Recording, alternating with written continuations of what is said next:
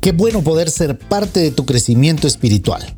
Estudiemos juntos la palabra de Dios. Bienvenidos al comentario de la hora silenciosa de Palabra de Vida Guatemala.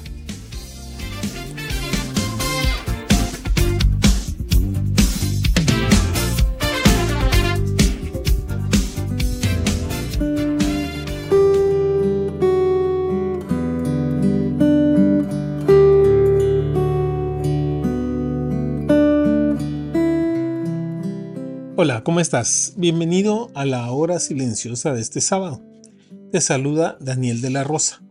En esta oportunidad tenemos el estudio en el Evangelio según San Lucas, capítulo 15 del verso 11 al 32.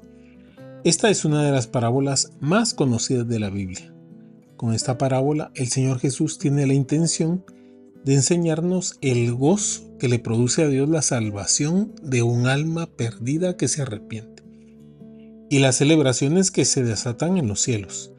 En estas tres palabras de este capítulo 15 se enfatiza el gozo que esto le produce. Encontrar a un pecador perdido, el cual se arrepiente de sus pecados.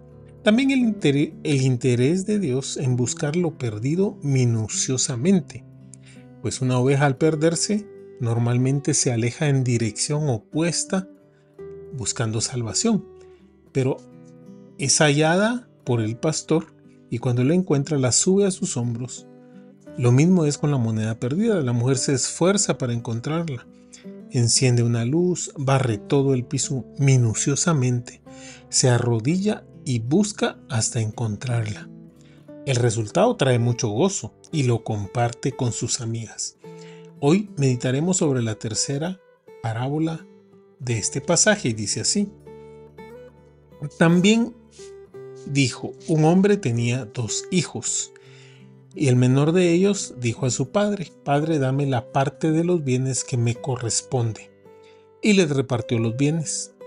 No muchos días después, juntándolo todo, el hijo menor se fue lejos, a una provincia apartada, y allí desperdició sus bienes viviendo perdidamente. Y cuando todo lo hubo malgastado, vino una gran hambre en aquella provincia y comenzó a faltarle. Y fue y se arrimó a uno de los ciudadanos de aquella tierra, el cual le envió a su hacienda para que apacentase cerdos.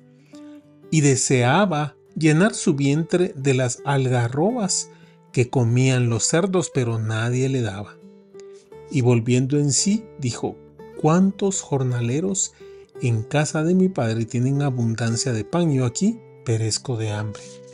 Me levantaré e iré a mi padre y le diré, Padre, he pecado contra el cielo y contra ti. Ya no soy digno de ser llamado tu hijo. Hazme como uno de tus jornaleros. Y levantándose, vino a su padre, y cuando aún estaba lejos, lo vio su padre, y fue movido a misericordia, y corrió y se echó sobre su cuello y le besó. Y el hijo le dijo, Padre, he pecado contra el cielo y contra ti, y ya no soy digno de ser llamado tu hijo.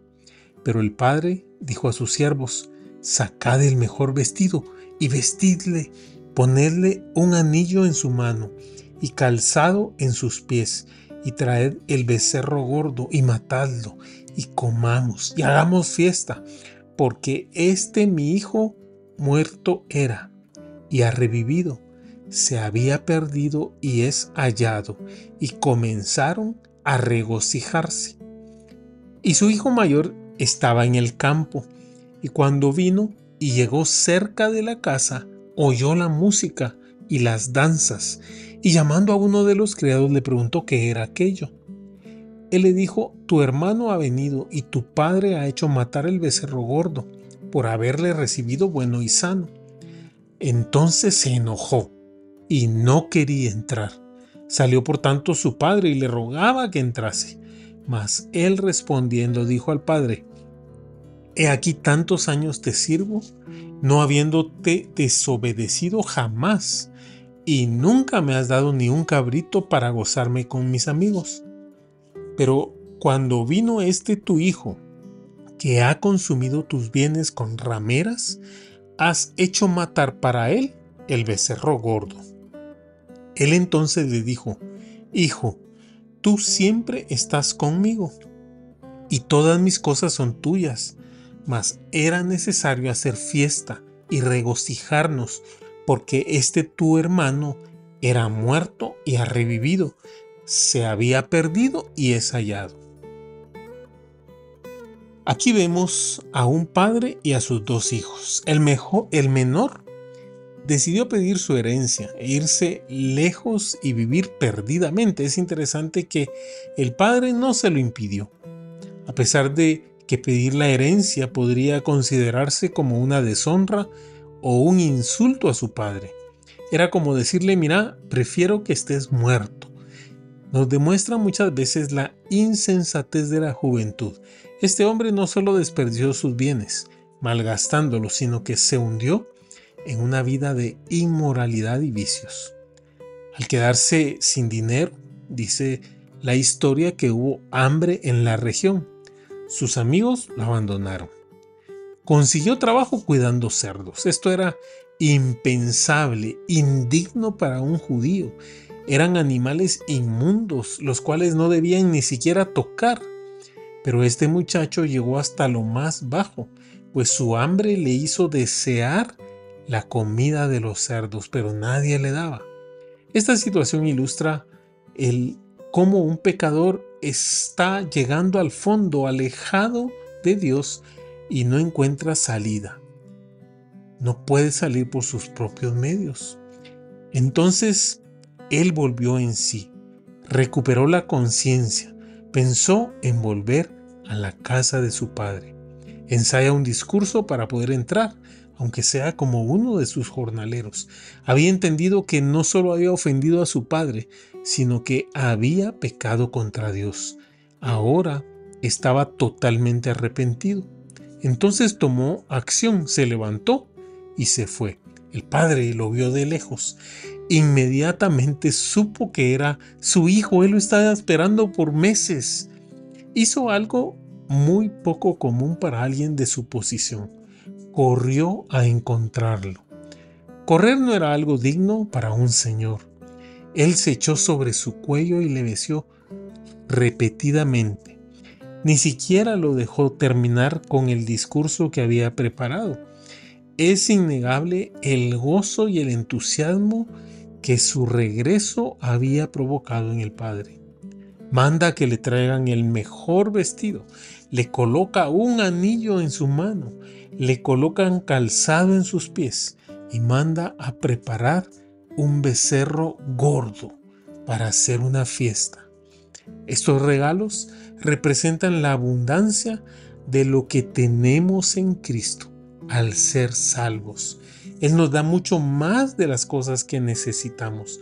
No hubo reproche en sus labios, no lo regañó por las condiciones vergonzosas en las que había terminado. Así es el perdón de Dios. Él expresa el gozo que le ha producido hallar a su hijo que se había perdido y hace una fiesta. El hijo mayor, en cambio, representa a los fariseos, a los religiosos. Él estaba muy enojado por el regreso de su hermano. Ni siquiera quiso entrar a la fiesta. Le parecía injusto que no castigaran a su hermano. Estaba tan enojado que cuando le habla al padre le llamó ese tu hijo. No lo dijo mi hermano. Eh, estos religiosos son los que están cerca, pero no aman al Padre, no se identifican con lo que alegra al Padre. Los fariseos se enojaban cuando Jesús sanaba en día sábado. Ellos se creían justos, tenían acceso a todo lo del Padre, pero no lo disfrutaban. Pasaban su vida estudiando las escrituras y adorando públicamente, pero el Señor les llamaba hipócritas porque no querían tener comunión con Él. Nunca poseyeron lo que un pecador arrepentido podría disfrutar. El mensaje para los pecadores es arrepiéntanse, vuelvan a la casa del Padre. El mensaje a los líderes religiosos es Alégrense cuando un pecador se arrepiente, pues hay fiesta en los cielos. Aprendimos que la misericordia de Dios extiende su mano hasta la miseria del pecador, que su gracia recibe hasta el más vil pecador. Saben, la salvación no es por obras, es por gracia. Que Dios te bendiga.